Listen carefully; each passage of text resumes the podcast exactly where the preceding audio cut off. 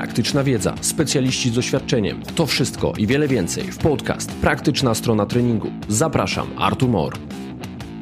Cześć, jestem w Warszawie, a dzisiejszym moim gościem jest twórca Bodywork, fizjoterapeuta, trener, sam siebie nazywa ekspertem ruchu. Na co dzień współpracuje z zespołem terapeutycznym z kliniki chirurgii kolana słynarskiego. Jest również trenerem przygotowania motorycznego pierwszoligowego zespołu Dziki Warszawa. Czyli ze mną jest nie kto inny jak sam Paweł Krótki. Cześć Pawle. Witam serdecznie. Pawle, jesteś ekspertem ruchu, e, sam siebie tak nazywasz. E, ja widzę, że w praktyce pokrywa się to z, z tym, co powiedziałeś. Dlaczego wybrałeś drogę ruchu? Dlaczego chciałeś stać się ekspertem ruchu? Dlaczego w swojej pracy z ludźmi postawiłeś na ruch, a nie na przykład na terapię manualną? Wiesz co, jako student fizjoterapii jeszcze w okresie mojej edukacji miałem taki pomysł, jak większość moich kolegów i koleżanek, żeby pójść drogą terapii manualnej, no bo wszyscy szli. Znaczy na, na studiach chyba nawet nie miałeś wyboru, bo tam nie uczono terapii ruchem jako czegoś, co było terapią pierwszego rzutu, tylko raczej mm, terapie manualne wygrywały na uczelni. No taki był trend i myślę, że to się trochę zmienia, ale jeszcze niedostatecznie. W każdym razie wtedy, pamiętam, nawet miałem taki pomysł, żeby pójść na studia osteopatii i się nad tym bardzo poważnie zastanawiałem. Ale jakoś tak moje życie się potoczyło, że dostałem pracę jako trener w klubie fitness. Wtedy przejrzałem na oczy. Pierwsza rzecz, którą zobaczyłem, to to, że cała ta kultura świata fitness jest trochę takim spiskiem przeciwko sprawności fizycznej. To była pierwsza rzecz, która mnie uderzyła. Mhm. A następnie też zobaczyłem, że te terapie bierne są pożyteczne na pewnym etapie pracy, no ale warto się ruszać. I warto się ruszać też nie w taki sposób, jak jest to promowane właśnie w klubach fitness, gdzie większość osób, która siedzi za dnia, a później siedzi na maszynach, bo to trochę tak mieć dwa lewe buty i chodzić dookoła. Mhm. I chyba bardzo szybko zrozumiałem to, że ten ruch jest niezbędny. Ja już wtedy się interesowałem takim podejściem funkcjonalnym. Głównie to były takie tematy związane właśnie z reedukacją oddychania. I ten oddech to był taki pierwszy wzorzec ruchowy, który poznałem wtedy jako student. Pamiętam, że mhm. byłem strasznie tym zafascynowany. Też zawsze bardzo mnie tak jakby przyciągało w stronę też takich różnych strategii związanych z regeneracją. I ten oddech był tym takim pierwszym wzorcem ruchowym. No i później na drodze tego mojego doświadczenia jako trenera, y, myślnik fizjoterapeuty w klubie fitness, okazało się, że jestem trenerem, który, jestem pracownikiem, który w ciągu roku ma najwięcej klientów na trening personalny, mhm. bo ludzie zobaczyli, że pracuję trochę inaczej. I też jestem w stanie dać im coś więcej niż tylko... 4 na 10 na biceps. Tak, i w, czy wyprosty... Żeby było jasność, to jest spoko, tak? 4 razy na 10 na biceps jest super, bo biceps rośnie tak ta moja historia się potoczyła, że po prostu znalazłem się na sali treningowej, nie znalazłem się w gabinecie i nie poszedłem tą drogą. Myślę, że to był bardzo dobry splot różnych zdarzeń, który doprowadził mnie do tej sytuacji, w której jestem teraz. Moja droga była trochę podobna. Ja zauważyłem, że jestem słabym fizjoterapeutą, który pracuje terapią manualną.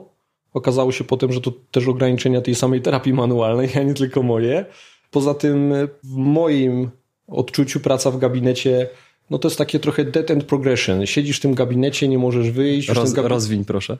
Terapia manualna w pewnym momencie kończy być zasadna. Czyli nie jesteś w stanie ciągle nią pracować i progresować.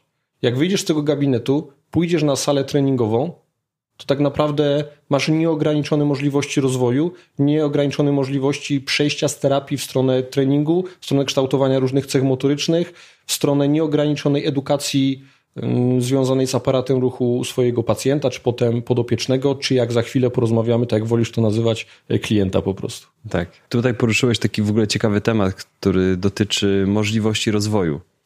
I to jest dla mnie takie słowo klucz, ponieważ e, ja też bardzo często tłumaczę, że w pracy z pacjentem, czy też klientem, czy też podopiecznym znajdujemy się, możemy się znaleźć w dwóch yy, sytuacjach. Pierwsza to jest tak zwana sytuacja kryzysowa, kiedy ktoś do ciebie przychodzi z y, bólem, albo z jakąś dysfunkcją, albo jest tuż po urazie.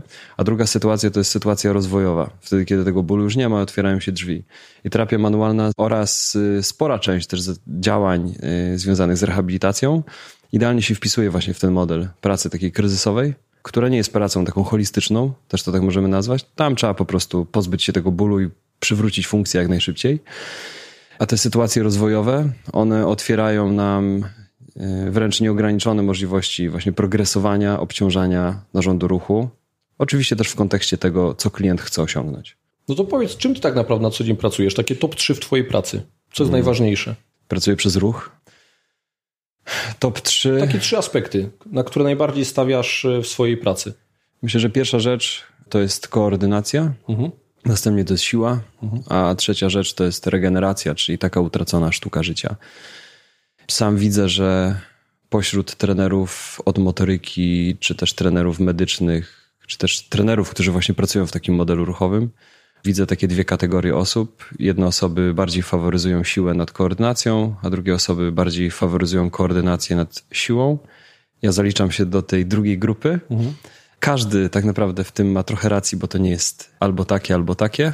E, dla mnie ta koordynacja jest o tyle istotna, że ruch przede wszystkim opiera się na nauce koordynacji nerwowo-mięśniowej. Mam tutaj na myśli różnego rodzaju wzorce ruchowe, timing nerwowo-mięśniowy oraz tą taką jakość ruchu, kiedy patrzymy na klienta i widzimy, że on po prostu potrafi wziąć to swoje ciało i ruszać się nim w sposób estetycznie ładny, prawidłowy, czy też Czuć takie... swoje ciało w dokładnie, przestrzeni. Dokładnie. Kolejna rzecz, jeśli chodzi o siłę, to jestem, nie chcę przez to powiedzieć, że uważam, że siła jest y, zła. Uważam, że to jest y, taki motor napędowy rozwoju, y, nawet w kontekście fizjoterapii, gdzie upatruje się wszystkiego w przeciążeniach. Dlatego też myślę, że skoro ta myśl związana z tym, że za ciałem dysfunkcyjnym stoi takie permanentne przeciążenie, czy też zestresowanie, dlatego później się to ciasto ugniata, jak to często w swoich podcastach y, opisujesz. Czy ten podcast zaczyna być taki, taki kulinarny trochę? Ja tak naprawdę uważam, że taką pierwszorzędową przyczyną wszystkich tych dysfunkcji, które obserwujemy jako trenerzy, praktycy, fizjoterapeuci w swoim środowisku pracy, to jest po prostu niedotrenowanie, brak ruchu i osłabienie. I efektem później tego są te wszystkie przeciążenia, kompensacje, nieprawidłowe synergie i tak dalej, i tak dalej, jak to potrafimy pięknie nazywać.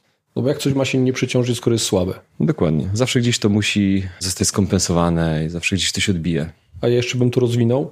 Fizjoterapeuci lubią diagnozować te słabe mięśnie, o słaby mięsień pośladkowy średni, pomijając kwestię tej diagnostyki w e, praktyce klinicznej. To teraz kolejne pytanie, czy skoro już sobie tak ochoczo zdiagnozowali te e, słabe mięśnie, to czy potrafią skutecznie je teraz trenować, tak żeby one stały się silne.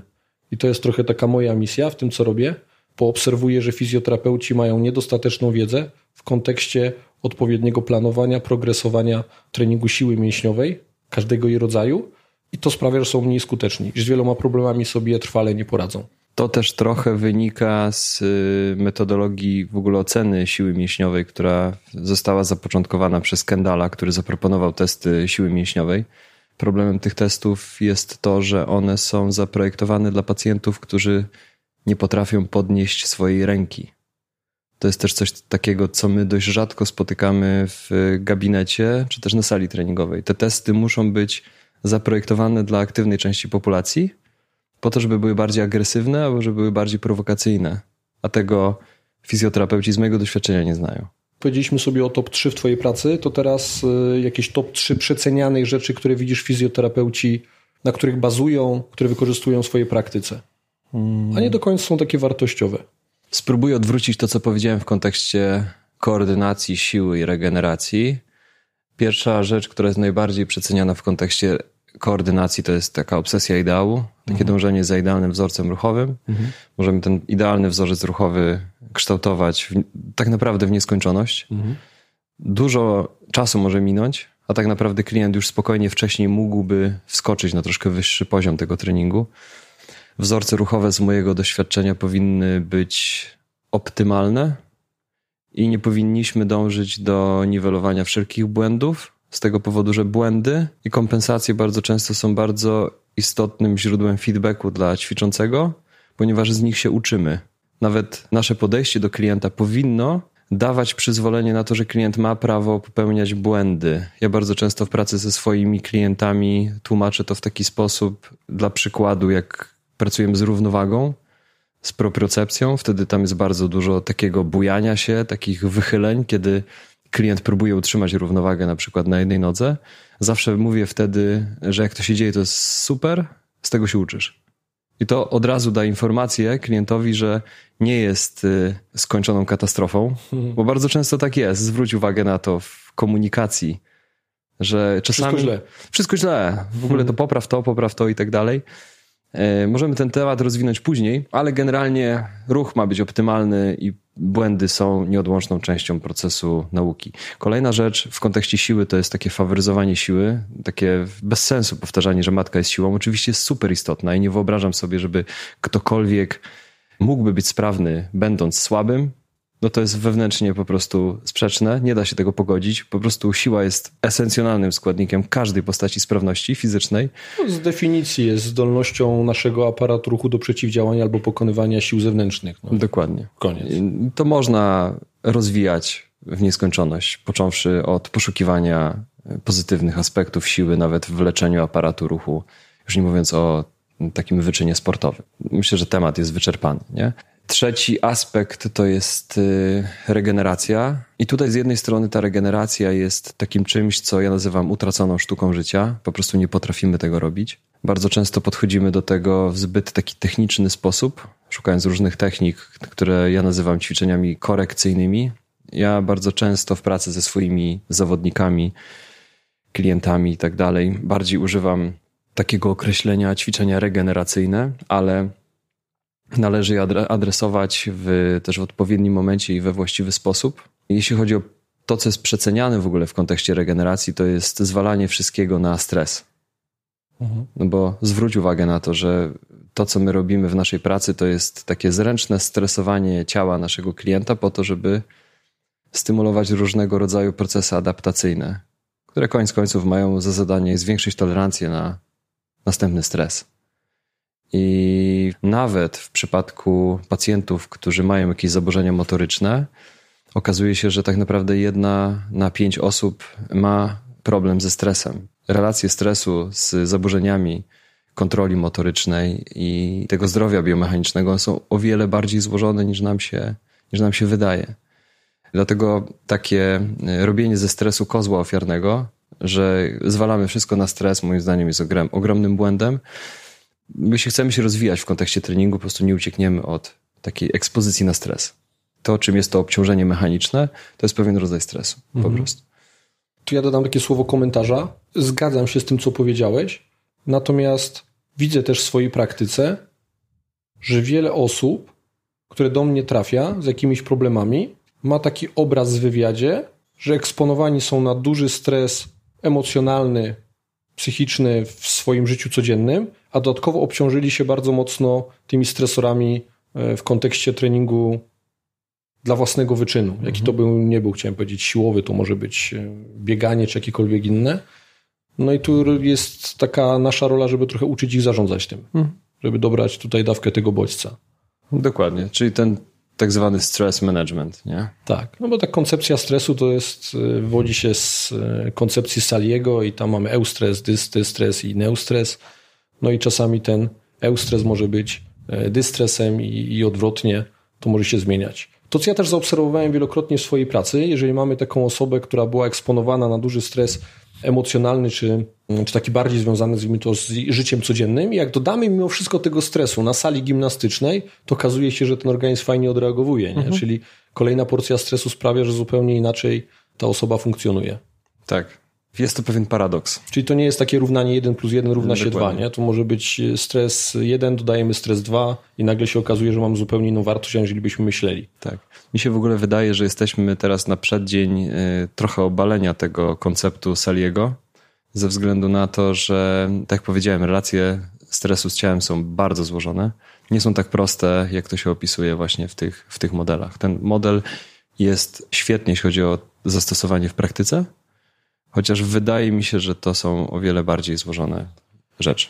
Wszystko, co my robimy, to jest tak posługiwanie się uproszczeniami. Nie? Tak samo jak posługujemy się biomechaniką. No jak, jakkolwiek byśmy sobie tego na kartce papieru nie rozrysowali, w ilukolwiek to nie było płaszczyznach i osiach, to, to zawsze będzie uproszczenie. Mhm. Jeżeli nawet już sobie jakiś rozrysowany koncept poczynimy i nagle pojawi się inna osoba z innymi proporcjami kostnymi, no to całe te obliczenia szlak trafia i, i okazuje się, że to tylko jest jedno wielkie uproszczenie. Tak, to samo się tyczy rozkładu sił, stresu, odpowiedzi na ten stres i całej reszty. Tak. Zacząłeś mówić o, o takim top 3 rzeczy, które są przeceniane, a ja bym to rozwinął. Co sądzisz na temat diagnozowania słabych ogniw w treningu, tych dysfunkcyjnych elementów w aparacie ruchu, to co powiedziałem wcześniej, słabych mięśni. Mój przyjaciel Jakub Liberski, ortopeda, on y, zawsze to nazywa stygmatyzacją pacjenta, czyli wmawianiem mu wielu różnych problemów. Ostatnio nawet poczynił taki post w mediach społecznościowych na ten temat ze swojej praktyki.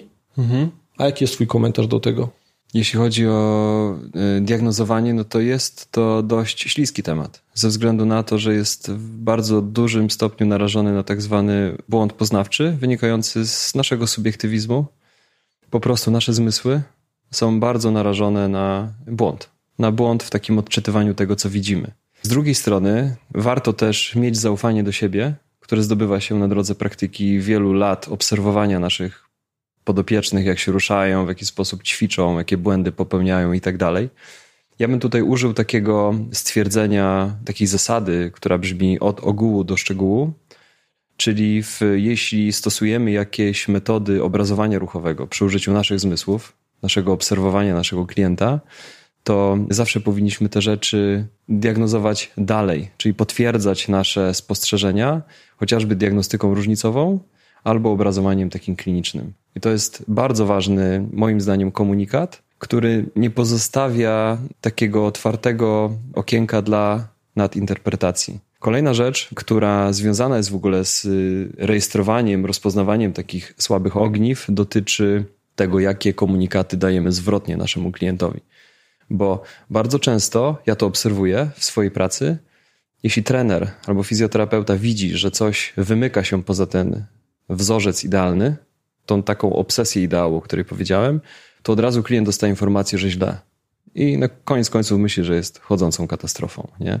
Bo to ma źle. Ja zawsze daję taki komunikat, że po pierwsze to nie jest wyrok, że jak masz krzywe plecy w cudzysłowie, to nie jest żaden wyrok, bo to wcale cię nie predysponuje do bólu, także cię nie, nie predysponuje do niepełnosprawności, już mówiąc tak mhm. E, ekstremalnie.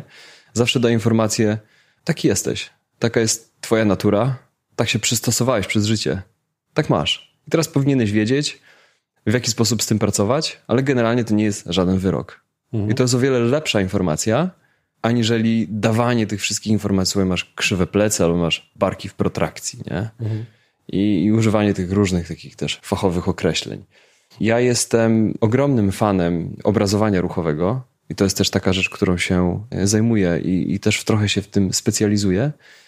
Tylko ja jestem bardzo pesymistycznie i negatywnie nastawiony do tych wszystkich form takiego obrazowania oceny funkcjonalnej wywodzących się z różnych takich amerykańskich systemów które są taką oceną ilościową. Gdzieś na końcu klientowi mówi, że ma wynik taki, a potem wynik jest taki. Moim zdaniem to jest trochę oszustwo. Mówisz na przykład o FMS-ie. Na przykład. Może na początku drogi trenerskiej to jest spoko, żeby, żeby to poznać, ale bardzo szybko się okazuje, że to jest taki fast food mhm. strasznie okrojone z jakości. To, w jaki sposób ja pracuję, to jest taka ocena bardziej jakościowa, gdzie po prostu wchodzę więcej detali, szukam określonych wzorców przeciążeń, patrzę, w jaki sposób ten organizm jest przystosowany w wyniku swoich przeszłych życiowych stresorów mhm. i w jaki sposób to się nadaje do tego, co dana osoba chce e, osiągnąć, na przykład w kontekście tego, co ty powiedziałeś, jeśli chodzi o wyczyn taki indywidualny albo sportowy. Nie? Mhm. W kontekście tej diagnostyki treningowej, ruchowej, to ja mam wrażenie, że najsłabszym ogniwem jest sam trener, terapeuta. Dlaczego ja tak mówię zawsze? Bo nie uczy się ludzi ruchu, a się ich testuje tym ruchem. I wielokrotnie miałem tak, okay. gdzie przychodził ktoś na jakimś szkoleniu, brał sobie kogoś y, z osób szkolonych i pokazywał na nim zrób taki i taki ruch. Ta osoba robiła na przykład ten ruch drugi raz w życiu albo pierwszy raz w życiu. Tak, tak. Do tego tak. miał wyjść dobrze. Jasne. Najpierw trzeba poświęcić 10 minut nauczyć tego. No przywołajmy sobie ten przysiad. Przeciętny Kowalski nie wie, jak ten przysiad idealny, który my chcemy zobaczyć, bo to też jest ważne, który mhm. my chcemy zobaczyć, wygląda, a my go oceniamy albo pokażemy mu dwa razy. Poświęćmy 10 minut, powiedzmy mu, jak ma budować napięcie, jak ma ten ruch prowadzić, z czego ma go zainicjować, i nagle się okaże po 10 minutach z tego faceta, który miał przed chwilą trzy słabe ogniwa i dwie dysfunkcje, mamy gościa, który ma 100 na 100. I to tak, jest rzecz, tak, którą ja tak. obserwuję i znowu mogę nawiązać do tej krytyki środowiska fizjoterapeutów. Za mało ruchu uczą, za bardzo próbują testować tym ruchem. A tu nie, nie, nie ma czegoś takiego, że będziemy testowali bez edukacji. To, to nie istnieje. Ja wielokrotnie w swojej pracy, czasami w świadomy sposób, z premedytacją, odpuszczałem tą diagnostykę, to obrazowanie ruchowe, przechodziłem do edukacji motorycznej i przy okazji w ramach tej edukacji stestowałem sobie kogoś, ale to się działo w tle, po prostu ucząc go tego ruchu. Widziałem, czy on sobie z tym ruchem radzi, czy nie. Bo jeżeli nie radzi mi sobie z procesem edukacji i tam napotykam na jakiś opór, na jakieś problemy, no to ja mogę sobie drążyć. Czy to jest jego mhm. kwestia niezrozumienia, mojego przekazu, czy może faktycznie w jego aparacie ruchu coś tam jest, nad czym powinien się pochylić, czemu się powinien przyjrzeć, ale nie musiałem go testować. To wychodziło w trakcie. Fajne jest to, co powiedziałeś, i nawet kilka rzeczy sobie potwierdziłem, bo e, opowiem Ci, jak wygląda w ogóle moje spotkanie pierwsze z klientem. To nie jest tak, że rozkładam ten przyrząd do oceny, markowany. Mhm. W moim przypadku to już jest sesja treningowa. Moim kursantom też bardzo często mówię, że obrazowanie ruchowe to nie jest coś takiego, co się kończy wraz z tym pierwszym spotkaniem, gdzie mamy wywiad. To jest coś, co towarzyszy nam cały czas. My cały czas po prostu patrzymy na tego klienta i obrazujemy jego sposób poruszania się, jego zachowanie. Wracając do tej mojej sesji, kiedy oceniam tego mojego pierwszego spotkania, to jest to już trening sam w sobie. Ja nie mam ściśle określonego protokołu. Zaczynam od podstawowych ćwiczeń, żeby też trochę daną osobę przygotować i bardzo często jest tak, że po 30 minutach ja już przechodzę od razu do treningu. I po prostu później sobie potwierdzam to, czy to, co widziałem wcześniej, jest pewną tendencją, która też mi się przenosi na inne, na inne czynności. Jeszcze też dodam jedną rzecz. Jeśli chodzi w ogóle o cenę funkcjonalną i ocenę funkcjonalną stosowaną właśnie przez fizjoterapeutów, których się trochę czepiamy, to bardzo często też te testy, ich bardzo dużym ograniczeniem jest to, że one są przeprowadzane w warunkach niskiej intensywności nie są przeprowadzane w warunkach wysokiej intensywności. I z generalną populacją mało ruszającą się statystycznie to jeszcze może ujdzie. Jak mamy sportowca tak. albo kogoś, kto jest doświadczony sportowo i ten ruch był obecny w jego życiu, no to to jest bezzasadne środowisko testu. Tak. Czasami też yy, mam takie momenty w swojej praktyce, jeśli pracuję z, ze sportowcem, że proszę daną osobę, żeby zdradziła mi, w jaki sposób się rusza w swoim środowisku gry albo w swoim środowisku sztuki sportowej.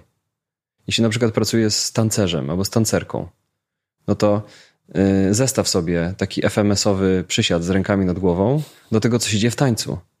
To są dwie zupełnie inne planety. Jeśli pracuję z tancerzem, to proszę daną osobę, żeby na następny raz mi przyniosła film, na którym tańczy, żeby mi pokazała to, z czym ma największy problem, na przykład po tej kontuzji. I na tej podstawie projektuję ćwiczenia, żeby to się przeniosło. Bo ten cały w ogóle problem między ćwiczeniami niskiej intensywności a wysokiej intensywności polega na tym, że my bardzo często gubimy sens tych ćwiczeń i nie potrafimy przenosić efektów pracy z tego jednego pola na to, które powinniśmy transfer. wspierać. Czyli tak zwany transfer, czyli przenoszenie. Mhm. A chyba wszystko się powinno do tego sprowadzać. I zgadzam się. Jak kończyłeś swoją wypowiedź, do głowy jeszcze przyszło mi to, o czym też ostatnio napisałem na, na swoim jednym chyba Instastory. To wprowadzenie na przykład do plyometrii. My lubimy progresję, no. regresję. Lubimy pokazywać, że potrafimy wszystko zregresować, dorzucić bardziej zaawansowane wersje. Tylko znowu czasami poprzez wprowadzenie nadwyrost tych regresji pokazujemy, wmawiamy podopiecznemu pacjentowi, klientowi, że jest trochę nie do końca sprawny, że on jeszcze na to nie jest gotów, mhm. a tak naprawdę jest gotów. Może nie jest gotów na jakąś dużą intensywność i objętość, ale to jest świetnym przykładem skakania na skakance. Mhm. Jeżeli e, skaczesz na skakance? Muszę się publicznie przyznać, no. że to jest umiejętność, e, której zawsze umija, omijałem i której nie rozwinąłem do teraz. No to tak. Ja zanim otwierałem e, Husars Academy, nie potrafiłem w ogóle skakać. To był tam powiedzmy 2013 rok. 2014 rok nauczyłem się skakać. Skakałem na początku jedna, druga noga takimi susami wielkimi, no jak każdy tak jak się uczy. E, skakałem oczywiście, bo ambitnie podszedłem do tematu tam po 30 minut dziennie chyba przez dwa tygodnie. Nauczyłem się. Kosztem adaptacji były shin splity. no ale to była bardzo duża objętość i intensywność tak, na tamten moment. Natomiast teraz, jeżeli widzę kogoś, komu dam skakanie na skakance przez 2-3 minuty, 7 razy w tygodniu, to on ani nie skończy z jakąś tendinopatią, ani nie skończy z shin splitami, bo to jest y, zbyt mała intensywność i objętość. Nawet dla kogoś, kto ma, teraz w cudzysłowie to mówię, luźny ten staw skokowy, nie ma sztywnego tego Achillesa, koślawi mu się staw skokowy, nawet jeżeli w takiej formie poskacze minutę, dwie dziennie, nic stanie. to nic się nie stanie. Tak. A jest wielce prawdopodobne, mówię to wręcz z taką pewnością, jeżeli będzie praktykował tą dynamiczne obciążenie stawu skokowego, takim skakanie na skakance, to się, to się samo, sztywni, to się to samo zorganizuje. Skakać, tak. Słyszałeś o zjawisku samoorganizacji? Trochę wyprzedzam nasz program rozmowy, ale naszą odpowiedzialnością jako praktyków jest to, żeby w pewnym momencie powiedzieć temu klientowi płyń młody żółwiu. Rozumiesz o co tak. chodzi? Po prostu go wypuszczamy na głęboką wodę i dajemy mu przyzwolenie, że on się zaczyna sam organizować. To jest bardzo ważny i magiczny moment. Jeśli jakiś w tym naszym mechanistycznym podejściu do pracy jakiś moment jest magiczny, to jest właśnie ten. Mhm. No ja jeszcze się odniosę do tego, co powiedziałeś wcześniej, czyli e, do tego, że zezwalamy na popełnianie błędów. Tak. Ja mam największą satysfakcję, a właściwie utwierdzam się w przekonaniu, że proces edukacji poczyniłem dobrze, kiedy moi podopieczni popełniają błędy i sami się na nich łapią. Dokładnie. I ja wtedy wiem, ok, jesteśmy w domu. Tak, On jest dokładnie. świadom. To, On jest świadom swojego aparatu ruchu, co robią jego części ciała w przestrzeni. Tak, na tym polega nauka. Nauka nie polega na tym, że prowadzisz klienta jak dziecko za rączkę. Mm. No i dla mnie to jest, jak ktoś, ktoś mnie zawsze pyta, co traktuję jako sukces swojej pracy zawodowej i taki no to to jest to, świadomość tak, mojego, tak. mojego klienta, podopiecznego pacjenta, jeżeli on potrafi obsługiwać swój aparat ruchu. Ja bym chciał na chwilę wrócić do tematu regresji i progresji, mhm. no bo to też jest temat, którego uczę. To nie jest tak, że ich nie stosuję. Myślę, że każdy stosuje, ale problemem w rozumieniu tych regresji i progresji jest to, że na różnych etapach rozwoju motorycznego progres nie jest liniowy, bo my często wpadamy w takie złudzenie myślenia, że jak będziemy progresować ruch, to nagle sobie tak płynnie przeskoczymy na wyższy poziom. Ale dla przykładu, przejście z etapu dźwigania ciężarów w oparciu o ruchy takie jak przysiad czy martwy ciąg i następnie wejście w tą pracę elastyczną ścięgien, to w tą plyometrykę, czy też to skakanie na skakance, to są znowu dwa kolejne kosmosy. To nie jest tak, że to idzie liniowo, to jest skok na wyższe piętro. O tym często też trenerzy nie mają pojęcia i później mamy do czynienia z takim, ja to nazywam ślizganiem się cały czas, takim poziomym ślizganiem się w obrębie jakichś ćwiczeń. Często dotyczy to też trenerów medycznych, którzy też mają trochę taką tendencję, żeby tego klienta rozwijać, yy, tak, tak prowadzić w taki strasznie asykuracyjny sposób bo jak mu gdzieś te plecki uciekną, to się tam od razu tragedia wydarzy. Nic się nie wydarzy.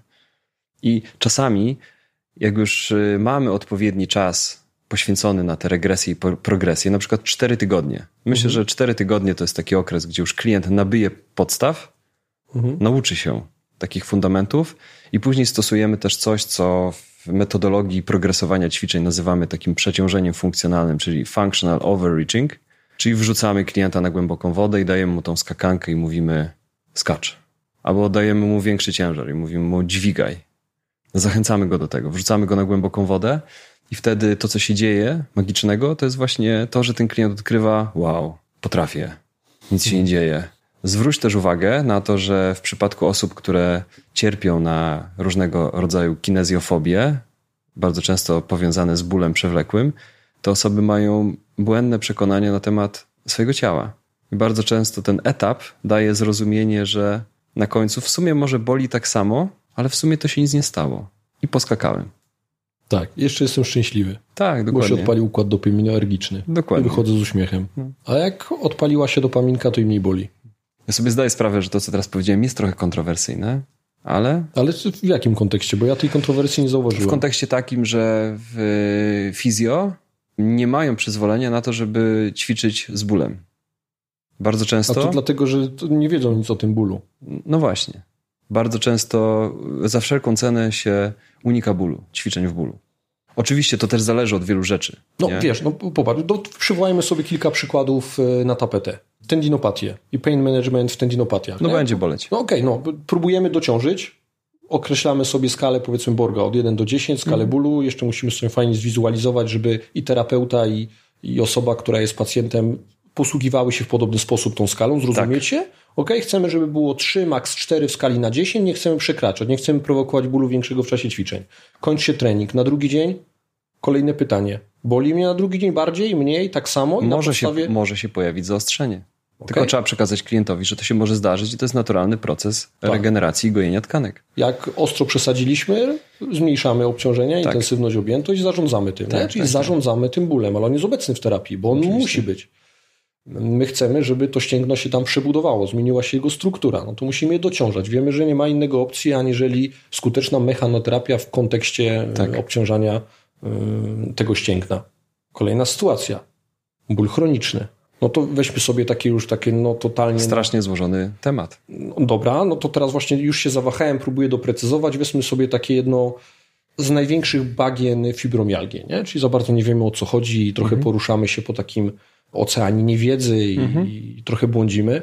Niech niech boli, bo jest duża szansa, że statystycznie przejdzie po tym treningu, że to będzie ten bodziec, który będzie działał in plus. Tak. Fibromialgię często się leczy różnymi lekami antydepresyjnymi, tak? Tutaj mamy składową, która ten układ dopaminergiczny odpali trochę. Mhm. Może zadziałać. Choroba zwyrodnieniowa stawów.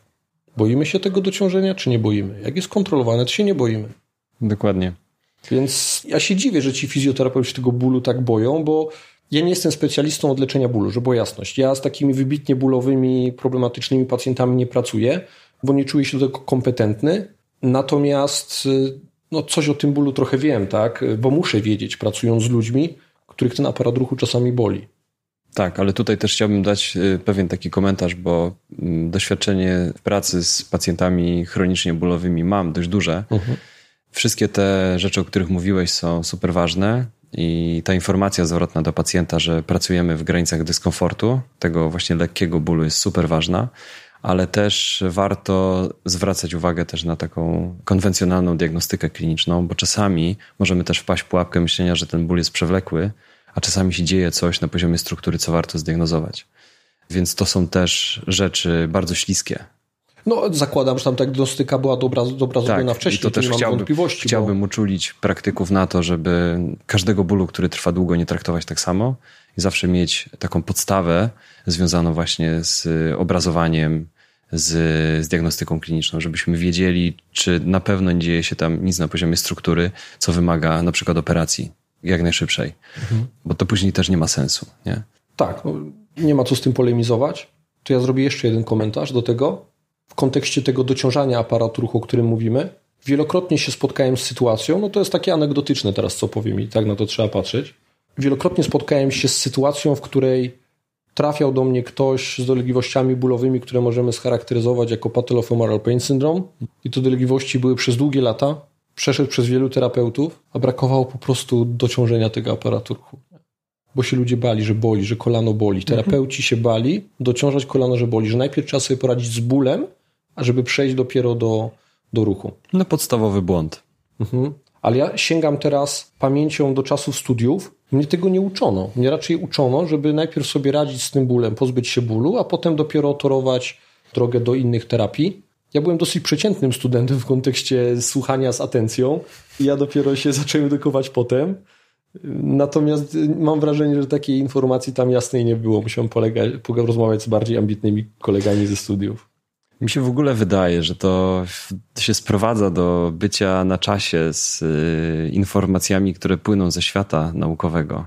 Jest y, wielu specjalistów, którzy zajmują się pain science, wielu specjalistów, którzy się zajmują zaburzeniami kontroli motorycznej i tego typu stanami, więc myślę, że to wymaga od nas bycia w tym strumieniu tej aktualnej wiedzy. Mnie też tego nikt nie nauczył na studiach.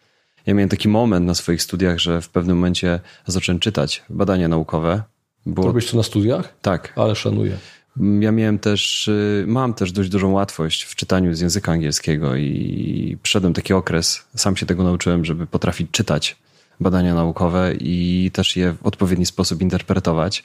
I myślę, że to też mi dało takiego wiatru w żagle, że ja bardzo szybko się zorientowałem, że na AWF-ie w Poznaniu, na którym studiowałem, oczywiście anatomia, fizjologia, biomechanika, wszystkie te takie najważniejsze przedmioty super, ale cała reszta to już się ślizgałem jak tylko mogłem, nie? Później już się interesowałem tylko tym, co chciałem. Zresztą ja się już od pierwszego roku studiów zaangażowałem w działalność koła naukowego, które później z przyjacielem prowadziliśmy. Teraz są najgorsi, boż. Ale wyobraź sobie, że inspirowaliśmy studentów do takiego stopnia, że na nasze zajęcia przychodziło więcej osób niż na zajęcia obowiązkowe. O kurde. Zresztą Przemek, pozdrawiam go serdecznie, pracuje teraz w Aspetar w Katarze jako, jako jeden z głównych fizjoterapeutów narodowej reprezentacji Kataru w piłce nożnej. No to w najlepszym możliwym miejscu jest. Jest szczęśliwy. Mówimy sobie teraz o twojej edukacji. Ja wspomniałem o, o mojej. Mówię to z uśmiechem. Teraz są fajne czasy dla młodych specjalistów, nie? Teraz, Wszystko na wyciągnięcie ręki. Tak. Zanim zaczęliśmy nagrywać, ja powiedziałem, że tak, że są super, bo dostęp do informacji jest teraz nieporównywalnie lepszy, aniżeli za czasów twoich studiów yy, i na pewno moich. Zresztą ja na to zwalam, nie? Zawsze, że czego nie doczytałem na studiach, bo nie było dostępu do tych informacji. Co po części tylko jest prawdą. Wtedy to raczkowało. To nie było takie super praktyczne jak Poza teraz. tym wiele rzeczy, o których my mówimy z taką pewnością i tak e, się trochę obnościmy z tym, że takie oczywiste, to dopiero stało się oczywiste może od pięciu lat. Tak, zgadzam się. No to, to nie wszystko było takie oczywiste 15 lat temu i teraz się trochę tak mądrzymy. Natomiast teraz młody specjalista, ja to widzę po trenerach i fizjoterapeutach, którzy mają, którzy są o 10 lat ode mnie młodsi albo i więcej, oni ostro depczą mi po piętach. Mm -hmm. Bo oni mają bardziej e, rzeźkie umysły, ktoś im nieźle filtruje tą wiedzę, czasami no, poprzez media społecznościowe, czy jakieś poczytne profile w tych mediach społecznościowych dobrych specjalistów i jeszcze mają do tego czas i, i oni za 10 lat to będą, to mogą być tak. genialnymi specjalistami. Tak, to, to, jest, to, to jest genialne. Ja się nawet odważę powiedzieć, że wiele osób w różnych aspektach specjalizacji mnie przerosło, po prostu. To jest też trochę tak, że ja koncentruję się na tym, czego uczę, w tym się rozwijam, ale nie jestem w stanie pojąć też wszystkiego. Mogę się inspirować, warto wiedzieć, ale jest wiele osób, które po prostu w niektórych aspektach treningu po prostu zwyczajnie wie więcej. Mhm. To jest też super, bo mogę się od nich uczyć. Dokładnie, dokładnie robię w ten sam sposób. Dla mnie media społecznościowe, ktoś powie, a że to jest taka papka informacyjna, dla mnie to jest najlepsze źródło wyselekcjonowanej wiedzy od osób, które sobie gdzieś tam odsiałem z tego. E, a jak odsiewasz? Na podstawie wiedzy i doświadczenia. Mhm. Czyli oceny subiektywnej. Na początku to było trudne, z czasem staje się coraz łatwiejsze. I przejdę teraz płynnie do tego, że w tej chwili nie jest problem z dostępem do wiedzy, tylko właśnie odsiewanej, e, ważnej wiedzy od tej co najwyżej ciekawej mhm. i od po prostu szumu informacyjnego i od bzdur, które są równie popularne, a może czasami nawet i bardziej e, w sieci, aniżeli te informacje ważne. Mhm. Są populistycznymi farmazonami, które nie, nie mają poparcia w nauce, w praktyce, są po prostu bezwartościową papką. Mhm. I to jest największe wyzwanie taką ostatnią, bardzo popularną. No, żyjemy w czasach dezinformacji. Nie, to, tak. to nie tylko na poziomie treningowym czy fizjoterapeutycznym, tylko tak można nawet powiedzieć, że globalnie. Aha. Poza tym też żyjemy w czasach, w których bardzo wyraźnie spada autorytet świata akademickiego, co moim zdaniem jest katastrofalne. Może być katastrofalne. Ale oni sobie na to trochę zapracowali. Bo tam są Wiem. dwie rzeczy, o których chcę powiedzieć. Pierwsza rzecz to jest wypuszczanie dziadowskich publikacji. To jest pierwsza rzecz. Mhm. Są pracownicy naukowi polskich uczelni, których poznałem, którzy są niezmiernie wartościowymi osobami. Szanuję ich pracę w ogóle. Wow, nie? to co oni robią, to jak się temu poświęcają. Ja by nie byłbym tego w stanie robić w ten sposób. Nie byłbym na pewno w stanie robić tego lepiej i z takim samym zapałem. Są natomiast y, osoby, które jedyne co robią, to mielą jedne i te same tematy, żeby wypluwać jak najwięcej badań, które niewiele wnoszą do praktyki i robią to z premedytacją. To, to nie jest, że oni próbują mhm. jakieś, jakieś zagadnienie z innej strony, jeszcze zobaczyć, zgłębić, podważyć coś, co im wyszło wcześniej. Po prostu fabryka publikacji mhm. celem osiągnięcia kolejnych tytułów e, w swojej hierarchizacji na uczelni. I koniec, kropka. I to jest duże zło. Bo jeżeli ktoś ma wpływ na to, co inni czytają, to powinien starać się, żeby ta wiedza była najlepsza mhm. jakościowo. Nie musi być idealna, mają wszyscy prawo popełniać błędy, ale nie mogą robić z premedytacją dziadostwa. To jest jedna rzecz. A propos selekcjonowania, rozumiem, że też w Twoim przypadku dotyczy to dobierania takich źródeł wiedzy naukowej, która dla Ciebie jest autentyczna. Tak. Też się pod tym podpisuję. I przystępność jest... tej wiedzy. Tak. Czyli to nie może być suchar i widzę, że poważane czasopisma zaczęły postulować o to, ażeby autorzy y, publikacji dołączali infografiki ciekawe, żeby ta wiedza była bardziej przystępna ja sam, mając mało czasu na edukację, jak przeglądam profile w mediach społecznościowych jakichś znanych żurnali, cieszę się, jak wrzucają infografikę, bo ja wtedy zatrzymuję się, rzut oka, tak. widzę już mniej więcej, jaki jest kontekst danej publikacji, badania. Łapiesz sens. I ja już sobie albo tak. doczytuję potem, tak, ale już wiem, czy to jest to, co mnie interesuje, czy nie. Mogę już tą wstępną selekcję robić. Czasami niestety ta wiedza jest podawana w formie takich sucharów, że mnie to nudzi, mnie to męczy, no a jednak mam większą na to tolerancję z uwagi na, na to, że już jestem trochę w zawodzie i szukam tej wiedzy. Jest taka fajna zasada w koncepcie evidence-based practice, którą bardzo lubię, która mówi o tym, że wiedza naukowa, to czym my się informujemy, do czego my używamy tych informacji, które płyną ze świata naukowego, one powinny mieć takie trzy cechy. Pierwsza cecha to jest yy, prawda naukowa. Musi być w tym jakiś rodzaj prawdy. No, nie może to być kłamstwo najzwyczajniej w świecie. Kolejna rzecz to jest prostota. Musi to być proste do przyjęcia. A kolejna rzecz to jest yy, zastosowanie, czyli musimy umieć użyć tego w praktyce. No bo powiedz mi, Artur, według ciebie nauczanie, coaching to jest sztuka, czy to jest nauka? Jak to byś to nazwał? Po pierwsze, słowo coaching dla mnie jest takim słowem jak holistyczne ja mam alergię na to. Ale i, to nie, nie, do końca zasadnie, żeby była jasność. Po prostu źle na to reaguję. Bo tak, ja mam, ja tak się uwarunkowałeś. Tak, więc jestem tendencyjny w tym i już jestem nieobiektywny. Mam to na myśli sports, sports coaching po prostu. Tak. Taki niesplamiony tym, tym chłamem coachingu. Że to Lamborghini jest twoje, nie? Dokładnie. No. I tu bym chciał to od razu gruba, czarna linia między tym odseparować. To są dwa różne światy. I ten świat tego coachingu, który jest taką pseudopsychologią, na mój stan wiedzy obecny, bo to też warto podkreślić, ja tym na chwilę obecną gardzę i przestrzegam przed tym, bo widzę, że osoby, które się tym parają, są niekompetentne i. Podpisuję się pod tym. I osobom, które skończyły studia związane z psychologią, czy są psychiatrami, no nie umywają się do nich, tak, tak, potrafią tak. zrobić krzywdę ludziom. I widziałem to, i dlatego się do tego zraziłem. Musiałbym jeszcze porozmawiać z kimś, z psychologiem, żeby on to jasno skomentował, co na ten temat sądzi. Natomiast, Bardzo dobry pomysł. Natomiast ten coaching, o którym ty mówisz, czyli komunikacja. Cała ta komunikacja tak. w kontekście nauki, nauki no to, to motorycznej, to, to, bardziej, to, to, co ty robisz. To ja nie? to uważam, że to jest sztuka, ale posłucham tego, co ty powiesz i skomentuję, dlaczego uważam, że to jest sztuka. Ja to rozwinę. To Dobra. jest sztuka informowana wiedzą naukową. Okay. To jest kwintesencja tego, czym jest evidence-based practice. To jest sztuka, no bo my pracujemy z człowiekiem, pracujemy z osobą, z tym, jakie ma przeszłe doświadczenia, jakie ma emocje, jakie ma skojarzenia, jakie ma przekonania, w co wierzy, jaki ma stosunek do drugiego człowieka, mhm. czy kiedyś zawiódł się na autorytetach, czy może jest otwarty na autorytet. To jest tak złożony temat. Tutaj możemy się posiłkować tym modelem biopsychospołecznym, który też niestety daje bardzo dużo przestrzeni do nadinterpretacji, szczególnie, ale jest niezmiernie ważnym modelem, który też powinniśmy znać, ale dysponując właśnie taką też podstawową wiedzą z zakresu psychoedukacji. Nie? Dlatego też Cię, Artur, zachęcam do tego, żebyś jakiegoś dobrego psychologa zaprosił do, tej, do tych mhm. Twoich praktycznych rozmów. Ja powiedziałem tak od razu, że to sztuka, właśnie dlatego, że zawsze działam inaczej, z każdym działam inaczej. Czyli nawet jeżeli są jakieś standardy w komunikacji, o których mógłbym sobie doczytać i próbować taką rozmowę z klientem ustandaryzować, to z uwagi na różnice w charakterach, poziom wyjściowej wiedzy, którą ta osoba posiada, to o czym powiedziałeś, to jest tak działanie skrajnie różne w każdym przypadku. Nie, to, to ja, ja po prostu musiałbym mieć bardzo, bardzo szeroką wiedzę, żeby jakoś ją implementować na jakieś standardy postępowania. No, znowu musiałbym tak. się zapytać, jak to robią psychologowie i jak oni sobie z tym radzą. Bardzo dużo rzeczy można od nich wziąć, jeśli chodzi o inspirację, ale zgadzam się z tym, że z każdą osobą pracujemy inaczej i to są rzeczy, których nie przeczytamy w podręcznikach. Mhm. Chciałem powiedzieć jednej rzeczy, zmieniliśmy trochę wątek, mówiliśmy o tych badaniach naukowych. No. Skrytykowałem ten czasami przemysł taki wydawniczy, że, że to jest trochę, zaczyna się robić fabryka. Dałem dosyć mizerną argumentację, natomiast bardzo fajnie temat jest omówiony w podcaście Dawida Białowąsa, Barbel Kitchen, gdzie zaprosił do rozmowy doktora Rafała Marszałka, i to jest świetna rozmowa na temat przemysłu wydawniczego z osobą, która jest wysoce kompetentna, mhm. żeby w to merytorycznie przedstawić mhm. i, i po części też zopiniować, przedstawić, jak to wygląda za tej kurtyny tego przemysłu.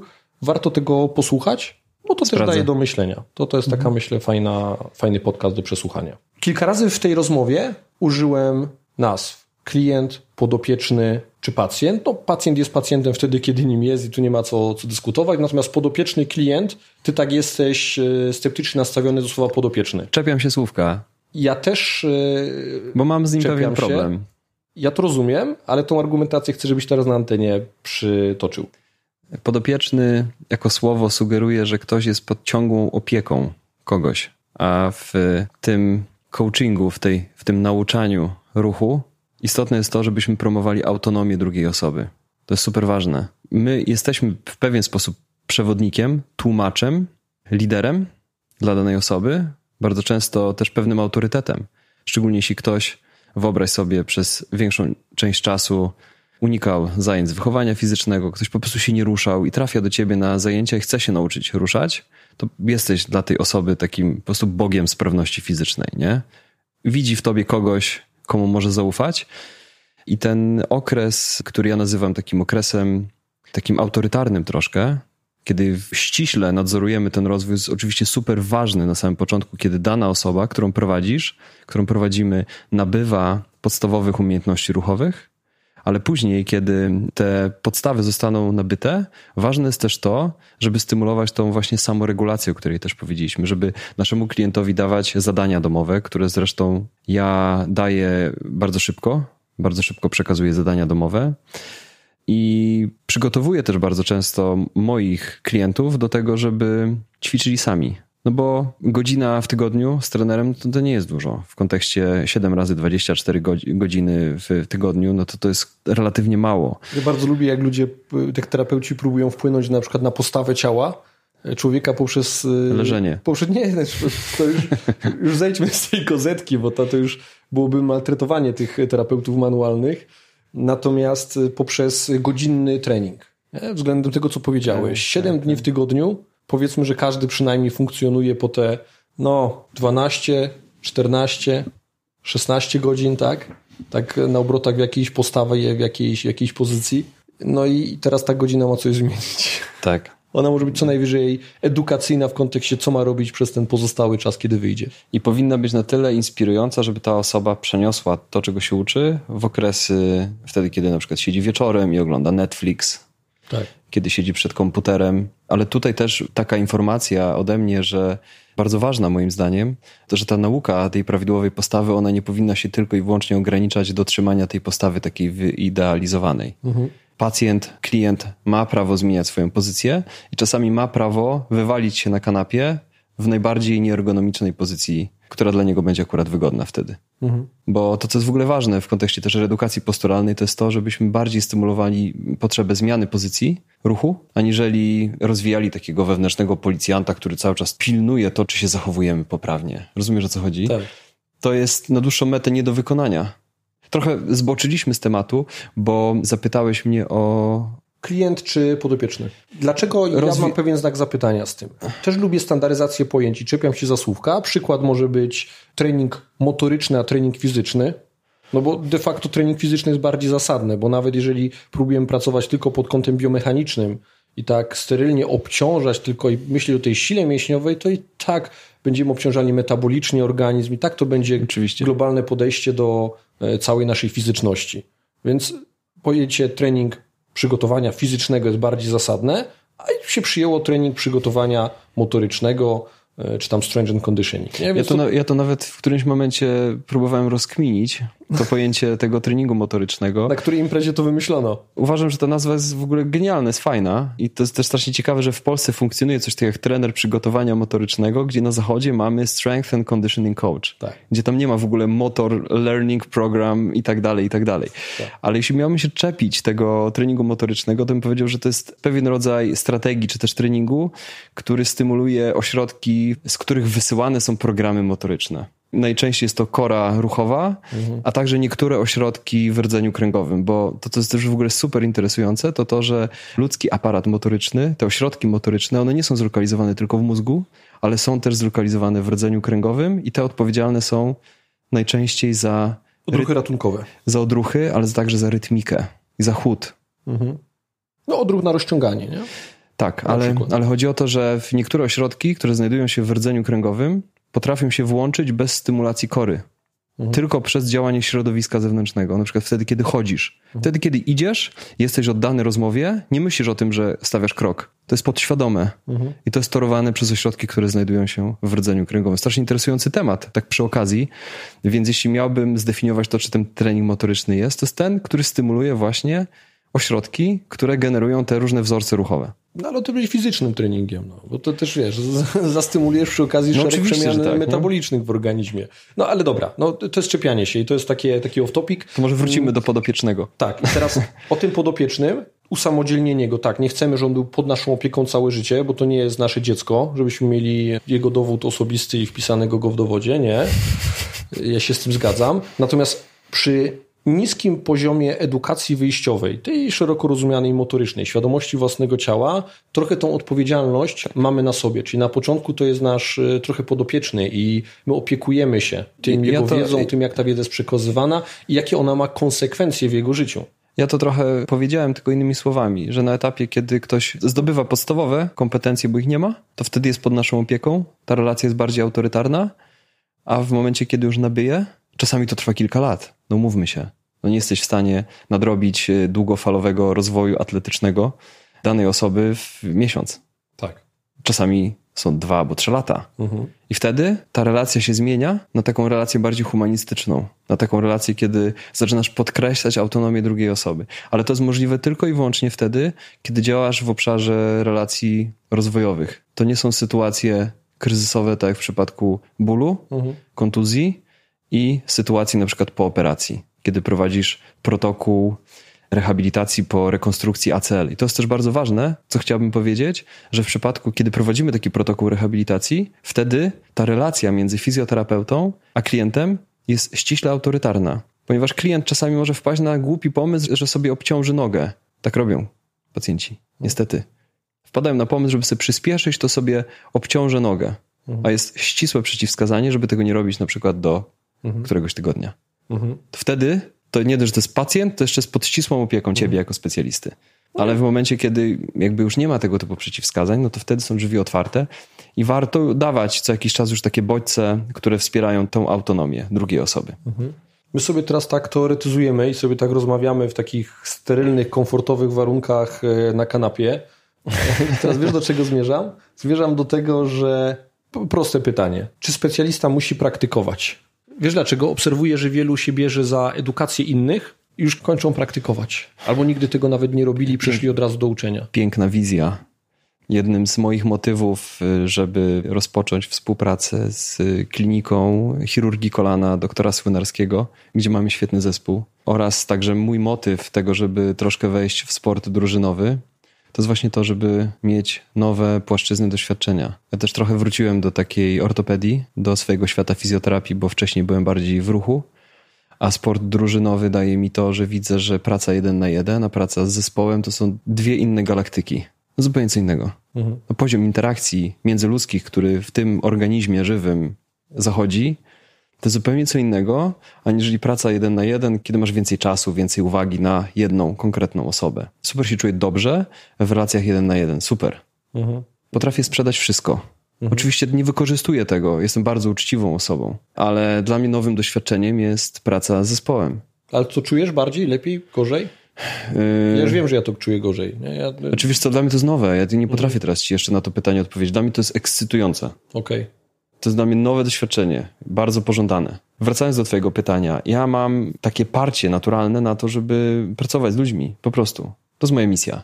Mhm. Nie tylko w kontekście edukacji, w której się czuję super, ale też w kontekście pracy z człowiekiem, no bo mhm. mogę edukować, ale tak naprawdę te narzędzia mają się przenosić na jakiś pożytek dla ludzi. To nie jest po to, że ja chcę rozwijać swoje ego, mhm. że jestem taki mądry, tylko po to, żeby coś z tego płynęło dobrego dla odbiorców. My w tej pracy jesteśmy jako taki właśnie przewodnik. Ja lubię być perfekcjonistą w tej pracy. Czyli jak pracuję jeden na jeden, to mam takie sterylne środowisko, że te informacje, które przekazuję, one mogą być inne, różne, w zależności od potrzeb, y, od danej osoby, ale przekazuję je takie odfiltrowane, możliwie najlepiej przekazane, sprawia mi to satysfakcję, że mhm. robię to dobrze. Jeżeli widzę, że feedback jest taki, że to, e, że to jest przyjmowane i potem ma to praktyczne implikacje, mam satysfakcję z tego.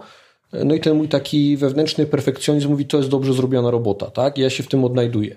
Jeżeli miałbym teraz całą drużynę przed sobą i miałbym czynić tą edukację motoryczną, szeroko rozumianą, bo widzę, że ta rozmowa przybrała trochę taką formę, jak edukować motorycznie. Ja chyba tak mhm. nazwę ten odcinek, edukacja motoryczna. Chyba, że jeszcze o czymś powiemy. Nauka motoryczna, to jest lepsze określenie okay. ze względu na to, że w literaturze anglojęzycznej funkcjonuje takie określenie jak motor learning. No okay, widzisz, o tym się rzadko w Polsce mówi, o podstawach w ogóle nauki motorycznej. Mhm. A to jest też taka rzecz, którą ja w którymś momencie swojej edukacji wszedłem, zainteresowałem się tym, Zresztą nawet w dokumentach w ASCA, mhm. na, w której braliśmy udział oboje, mhm.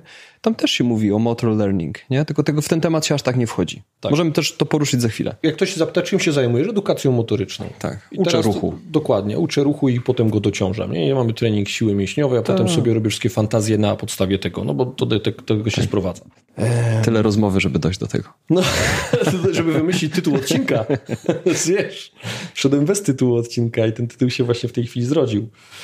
No i teraz ten specjalista musi praktykować, nie? bo, bo to, to, takie było pytanie. I ja sobie nie wyobrażam, żeby nie praktykował. Jeżeli jest ktoś, kto robi tylko szkolenia i nie możecie z nim się spotkać nie jest autentyczny. w gabinecie, tak. Nie on, jest autentyczny. On jest zerwany od rzeczywistości, nie? to jest odklejeniec. Tak samo jak ktoś, kto siedzi tylko w badaniach naukowych albo nawet wspiera sportowców, siedząc i będąc namiętnie wpatrzonym w tabelki i wykresy, też traci kontakt z tym człowiekiem. To musi być wypośrodkowane. Żadne ekstremum nie jest dobre. I widzisz, ja jednak się lepiej czuję w pracy na jeden, ty jeszcze nie wiesz, doeksperymentujesz. Znaczy ja na ten moment się czuję lepiej w pracy jeden na jeden, ale dla mnie to doświadczenie pracy drużynowej jest ekscytujące. Rozumiem. Ja jak rozmawiałem z Bartkiem Bibrowiczem na temat y, jego pracy i tego przygotowania motorycznego na świecie, to zobaczyłem, że my charakterologicznie jesteśmy w ogóle po dwóch stronach wykresu. On się czuje jak ryba w wodzie w jakichś aspektach społecznościowych. Zresztą no, przejawem tego jest to, że jest y, prezesem Polskiego tak. Stowarzyszenia Treningu Motorycznego, a ja z kolei jeden na jeden, tak? Ja, ja chcę mieć po prostu przede wszystkim quality. Ja z tego nie mogę pójść na kompromis w tym. Źle mhm. się z tym czuję, kładę się spać i mówię, kurde, że teraz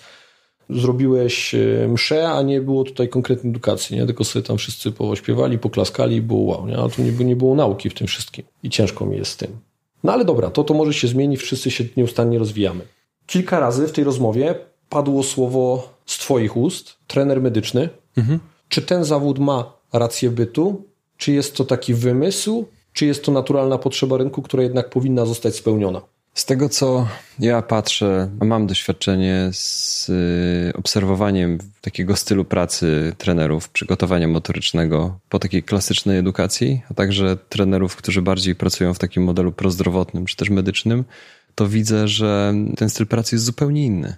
Trener medyczny nie pracuje tak jak trener motoryczny, trener od siły i od kondycji, tłumacząc tak, tak dosłownie, mhm. tego przygotowania fizycznego jest to moim zdaniem luka, która jest pożądana, szczególnie jeśli chodzi o miejsca takie jak kliniki ortopedyczne. Mm, z mojego doświadczenia, pracując w zespole takim integralnym w klinice mhm. oraz w centrum Bodywork, widzę tą taką ciągłość tego, że osoba z kozetki ląduje w ręce trenera, który po prostu progresuje to dalej i zaczyna wstępnie obciążać, nie dochodząc do tego etapu tej siły submaksymalnej, tylko po prostu zaczyna pracować bardziej łagodnie w sposób taki ruchowy. Bo wiesz, formalnie to jest tak, że de facto w ten sam sposób powinien obciążyć trener przygotowania motorycznego, powinien potrafić. No fizjoterapeuta te podstawy też powinien zrobić. Też powinien znać. No. Bo, bo tu nie ma jasnej granicy. To są przenikające się płynnie światy.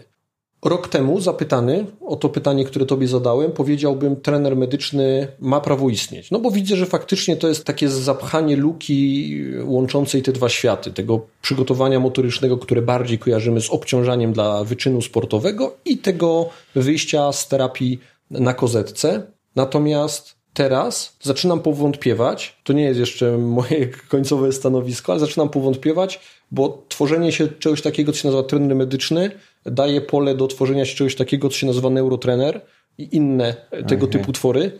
Czyli rozumiem. I, I, wiesz, i to trochę usprawiedliwiamy, tworzymy sobie nowe, w cudzysłowie, zawody, którym zezwalamy pracować z aparatem ruchu w jakiś własny swój sposób, w jakimś zakresie. Nie? I te znaki zapytania, te jakieś rzeczy sprawiają, że jest tutaj grube pole do manipulacji i do bajdurzenia. I to jest wykorzystywane właśnie w ten sposób. I dlatego teraz widzę zasadność tego, że coś takiego mogłoby istnieć, natomiast widzę, co się z tym dzieje, jak to jest wykorzystywane i temu mówię na pewno nie. Też to widzę i też y, przyznaję się do tego, że mam pewien, y, uczciwie, mówię całkowicie uczciwie, że mam pewien wewnętrzny konflikt związany z tym, w jaki sposób ja tego uczę, a uczę tego w bardzo uczciwy sposób, podkreślając różnice między kompetencjami, między fizjoterapeutami a trenerami medycznymi, które są bardzo wyraźne i zarówno ja, jak i Gosia Muzyka, która taki kurs u nas w Bodywork prowadzi, ona bardzo podkreśla różnicę między tymi kompetencjami, ale tak jak powiedziałem, widzę po prostu dużą różnicę w, między pracą taką u osób po klasycznej edukacji w zakresie treningu motorycznego, a takim płynnym przejściem między tą fazą właśnie od kozetki po rehabilitacji do takiego już bardziej swobodnego ruchu. Problem, który ja mam, jeśli chodzi o trenerów medycznych, które obserwuję, to jest to, że się właśnie, zresztą już o tym mówiłem, że ciągle nieustannie robi te regresje, progresje i w sumie po czterech tygodniach już tam nie ma żadnej nauki motorycznej, nie? I się nie wrzuca tego klienta dalej, nie się go trzyma za wszelką cenę. I to jest taki problem, który ja mam. Wydaje mi się w ogóle, że być może ta nazwa wymaga trochę takiego skorygowania, bo też ja się czasami łapię na tym, że fizjoterapeuci łapią mnie, nas za słówka i się czepiają stricte tej nazwy trener medyczny. To trochę z takiego lęku przed tym, że zabieramy innym pracę, mhm. a z drugiej strony często ja sobie myślę też w takich kategoriach, że czy to oznacza, że ten trener powinien psuć tego pacjenta? Rozumiesz o co chodzi? Tak. To jest jakby też pokazuje drugą stronę tego problemu. Mi się wydaje, że tak naprawdę każdy z nas gra do tej samej bramki. Trochę jest w tym tak naprawdę obaw związanych z tym, że ktoś będzie nam zabierał pacjentów. W ogóle moja odpowiedź do fizjoterapeutów, właśnie moje pytanie do fizjoterapeutów jest takie, czemu tak późno się obudziliście w kontekście po prostu rozwoju motorycznego? Oni jeszcze się nie obudzili. No, no właśnie. Nie, to jeszcze nie, nie nastąpiło. I gdyby było przebudzenie, byłaby zmiana trendu, chociażby w wysypie ilości szkoleń związanych z ruchem i z terapiami biernymi, a tego nie ma. Jak sobie otworzymy jakąkolwiek wyszukiwarkę i wpiszemy szkolenia dla fizjoterapeutów, to, to teraz jest wyssana z palca statystyka, ale to myślę 95% to będą terapie manualne w różnej formie okay. i, i 5% to, będą, to będzie, będzie aktywna terapia związana z ruchem. I, I wiesz, i teraz ja już kilka razy powiedziałem, trener przygotowania motorycznego, który ma podstawową świadomość e, związaną z kontuzjami, z ich etiologią, z tym, jak wygląda proces dochodzenia do tych kontuzji, radzenia sobie z nimi, będzie lepszym terapeutą w wielu przypadkach, aniżeli fizjoterapeuta. Przykład tendinopatię. Tak, tak, tak, tak. To trzeba dociążyć, trzeba wiedzieć, jak dociążyć. W ogóle programować. Ja, ja, też y, ucząc w ogóle w takich podstaw tego, czym jest trening medyczny, bardzo często podkreślam to, że fizjoterapeuta robi większość działań specyficznych na przykład na dany staw albo na daną okolicę. I ta część taka ogólnorozwojowa to jest taka powiedzmy jedna czwarta. Trzy czwarte tej pracy to jest taka praca po prostu bardziej specyficzna. Z trenerem medycznym jest trochę inaczej. On bardziej pracuje ogólnorozwojowo, czyli promuje już ruch całościowy, uwzględniając te rzeczy, które wcześniej wypracował właśnie fizjo, nie?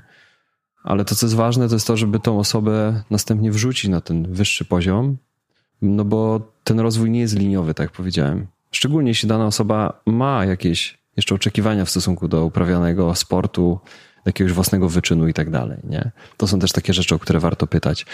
Widzisz, cała, cała moja działalność, pomimo, że jestem fizjoterapeutą z wykształcenia, większą część, nie bezwzględnie większą, bo gdybym miał powiedzieć w procentach, to 60%, y, no może nawet troszeczkę więcej mojej pracy to jest mm, jednak praca z y, osobami z problemami z aparatem ruchu, czy jakimiś pacjentami ortopedycznymi, a około 40% to jest stricte przygotowanie motoryczne. Takie związane z pracą ze sportowcami, poprawa ich parametrów fizycznych y, celem realizacji jakiegoś wyczynu ich to te światy tak się przenikają. No, zresztą odwołam się do tego, co ty robisz i jak ty się szkolisz, bo mniej więcej wiem, jak to wygląda.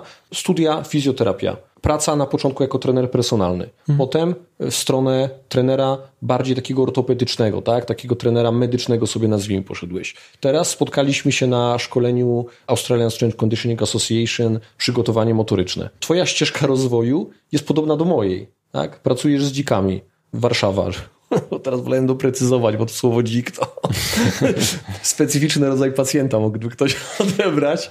E, pracujesz z zespołem Dziki Warszawa. To są tak zbieżne ze sobą światy, tak przenikające się światy, że nie można ich odseparować. Dlatego też podkreślę to, że w, w ogóle w kontekście tych znaków zapytania wokół trenera medycznego, w dużym stopniu moim, moim zdaniem, to jest yy, takie właśnie czepianie się słowa. Z tego powodu, że możemy powiedzieć, że mamy takie trzy główne specjalizacje, wokół których się poruszamy. To jest trening motoryczny, trening funkcjonalny, już mhm. trochę taki oklepany, no ale też jest. Mhm. I trening medyczny, czyli taki aspekt trochę bardziej prozdrowotny, regeneracja, funkcja, czyli coś przed powiedzmy motoryką. I w ogóle ten podział jest dość sztuczny. Po ja, pierwsze. Ja też nie widzę granic, czyli. One się przenikają, no. mają jakąś tam swoją specyfikę, ale tak naprawdę wszystko to, co jest wspólne dla tych wszystkich trzech, to są właśnie te uniwersalne zasady nauki motorycznej, tej edukacji ruchowej. One są uniwersalne dla wszystkich. Nawet jak uczysz wyprostu na maszynie, to też jakaś nauka motoryczna tam jest. Generalnie nie jesteś w stanie tego wykroić, nie? Mhm. Nawet tego przedrostka neuro nie jesteś w stanie... W stanie y, Wszystko z neuro, no bo ten układ nerwowy zarządza I nawet, mięśniami, i, no. i, i, nawet możemy się odważyć y, powiedzieć, że też w tym wszystkim jest powięź. No jest. No. to prawda, no jest, jest powięź. Tylko później jak próbujesz, wiesz, wykroić z tego całościowego modelu jedną rzecz i zrobić z tego magiczną technikę, to właśnie się później rodzą te problemy, nie? No, I tak dalej. Ale też chcę, żebyś mnie zrozumiał, że ja to wszystkim naszym kursantom pokazuję w taki sposób. Ściśle określając granice. Mhm. Chwaląc fizjoterapeutów za to, co można chwalić. Wspierając pracę integralną. Mówię to z własnego doświadczenia. Trochę sobie nie wyobrażam takiego sukcesu u nas w klinice i w bodywork, gdyby nie było zespołów integralnych. Mi się wydaje, że bardzo często czepiają się ludzie, którzy pracują w pojedynkę i myślą, że wszystkie rozumy pozjadali. Rozumiesz, o co chodzi? Tak, no wiesz co, no i ja tak naprawdę mam ten komfort, że też w takich zespołach pracuję. Zresztą to, że nawiązałem kontakt, no koniec końców z waszym zespołem, no bo Piotrek Cibiera, Piotrek Piaskowski tak, ty, tak, no to, tak. to jest kontakt z waszym zespołem, bo widzę, że to fajnie działa, tak? Ja też mam u siebie fizjoterapeutów czy ortopedów, z którymi współpracuję. Niekoniecznie może pracujemy w tak scentrowany sposób, scentralizowany, czyli mhm. że w jednym ośrodku. Tak, tak Natomiast tak, droga tego pacjenta jest, jest znana, jest tak. sprawdzona i, i wspieramy swoje działania. No to jest bezcenne, no. To jest bezcenne, dlatego też wszystkich słuchaczy praktycznej strony treningu chciałbym zachęcić do tego, żeby budować takie zespoły wokół siebie, żeby wychodzić też poza własne podwórko gabinetu czy też studia treningowego, bo my nie wiemy wszystkiego i o wiele więcej jesteśmy w stanie zyskać dla tej osoby prowadzonej, kiedy pracujemy właśnie w zespołach. Ale też wracając do Twojego pytania, przyznaję, że ja sam osobiście mam pewien problem z określeniem trener medyczny. Przyznaję się do tego. Może to jest kwestia słowa, bo mam takie trochę wrażenie, że mało w tym merytoryki, tylko dużo hejtu właśnie ze względu na słowo. Mhm. W sumie to z mojej perspektywy jest trochę nie fair, ale z drugiej strony no, może to jest kwestia zmiany tego słowa i, i tyle. Nie? No, widzisz, widzimy gdzieś tutaj są, jak jest jakiś tam problem, potrzeba dokładniejszego zdefiniowania, może wyznaczania granic, byle tylko się tym nie zapędzać, bo to, to, tak. to trzeba mieć taki otwartą głowę na to. Ale z drugiej strony, jak widzę właśnie różnego rodzaju neuromagiczne techniki. No nie, no to, to trzeba po prostu cisnąć, koniec, kropka, nie. To, to jest, ty, ty fajnie to powiedziałeś, neurotrener to taka nowa osteopatia. No. No, To jest y, oparte w dużej mierze na jakichś dowodach anegdotycznych i na jakichś wybranych fragmentach y, z fizjologii człowieka, takich poczytnych y, i pokazywanie, że jak staniesz na długopisie, to ci tak. nagle prawa ręka jest słabsza. No kurde, no to ma ogromną praktyczną implikację, no ogromną, naprawdę. Tak, bo na boisku jak biegasz, to rzeczywiście stajesz na długopisie. Bazuje na ciekawostkach fizjologicznych, tak. które są niczym innym jak ciekawostkami umieszczonymi w pewnym kontekście, po to, ażeby sprzedać e, często szkolenia, żeby, żeby zrobić do tego otoczkę magii mistycyzmu i powiedzieć, on, ma, on posiadł wiedzę, której ja nie mam, on potrafi mnie uzdrowić, to on zna rozwiązania na moje problemy, z którymi ktoś inny sobie nie poradził. Mm, wszyscy jesteśmy romantykami. Dokładnie. Taki kon... No o, neurotrener taki Konrad Wallenlot, nie? Taki... Im większy mam staż praktyczny, tym bardziej widzę, że tych magicznych sztuczek po prostu nie ma. Tak. I bardzo często podaje się jako anegdoty te wszystkie przypadki, kiedy doszło do tych magicznych uzdrowień. Tylko problem polega na tym, że się nie mówi o tych, u których to nie nastąpiło, albo szczególnie o tych, którym to zaszkodziło. Tak, bo takie przypadki taki, też są. Bo to jest podstawowy błąd myślenia. Poza tym pamiętajmy, że brak efektów terapii i przyciąganie kogoś w chorobie bądź w tym problemie jest działaniem na jego niekorzyść. To jest nieetyczne, a i może mieć konsekwencje zdrowotne. Mhm. Jeżeli z problemem sobie długo nie będziemy skutecznie radzili. Tak, dokładnie. W ogóle mi się wydaje, że rolą nas jako autorytetów i rolą naszej komunikacji w stosunku do naszych podopiecznych jest to, żeby mówić prawdę. Myślę, że to jest taki w ogóle klucz. I wracając troszkę do tego pytania, do tego tematu coachingu, tego mhm. źle rozumianego, tego coachingu takiego, mhm. z którym ty się nie zgadzasz, to to, co mnie zawsze razi, to jest ten taki wszechobecny optymizm, że wszystko możesz i usilne uciekanie od mówienia ludziom prawdy. Mhm. Brzydkiej prawdy czasami. Czasami brzydkiej prawdy, która boli. I myślę, że w tym temacie więcej do powiedzenia mają psychologowie, ponieważ oni aż tak pozytywni nie są. Mhm. Zresztą ich rolą nie jest y, nakręcanie pozytywne. W ogóle ich swojego... rolą nie jest y, dawanie rady. Tak. I to o tym też ludzie zapominają. Czasami idą do psychologa i myślą, że on tutaj dostanie rozwiązanie na wszystkie mm, problemy. Nie? Tak, I tak, tak. są zdziwieni. No ale to, to słusznie też e, powiedziałeś, ja też to zauważyłem, e, musiałbym poprosić e, jakiegoś psychologa, z którym porozmawiać i, i konkretnie praktykującego i dowiedzieć się, jak to wygląda w praktyce, jak oni to widzą. bo to jest najlepsze źródło wiedzy. Pawle, tyle o edukacji motorycznej dzisiaj. Y, zaczęło, zaczęło się na końcu robić romantycznie, to trzeba było to ukrócić, bo potem się robią takie miałkie rozmowy romantyczne o życiu, a nie o tym, jak być lepszym specjalistą, a, a chciałbym, żeby jednak e, ten podcast y, i treści były przede wszystkim praktyczne i niech takie pozostaną. Pawle, coś do dodania? Myślę, że temat y, został wyczerpany, chyba że ty chcesz jeszcze Nie. zadać jakieś pytanie. Nie, jeszcze na dwie godziny sobie pogadamy poza nagraniem. Dobra, Pawle, bardzo Ci dziękuję za poświęcony czas. Mam nadzieję do kolejnej e, równie udanej, owocnej rozmowy. Dziękuję bardzo, dziękuję również e, słuchaczom i do usłyszenia. Cześć, trzymajcie się, hej.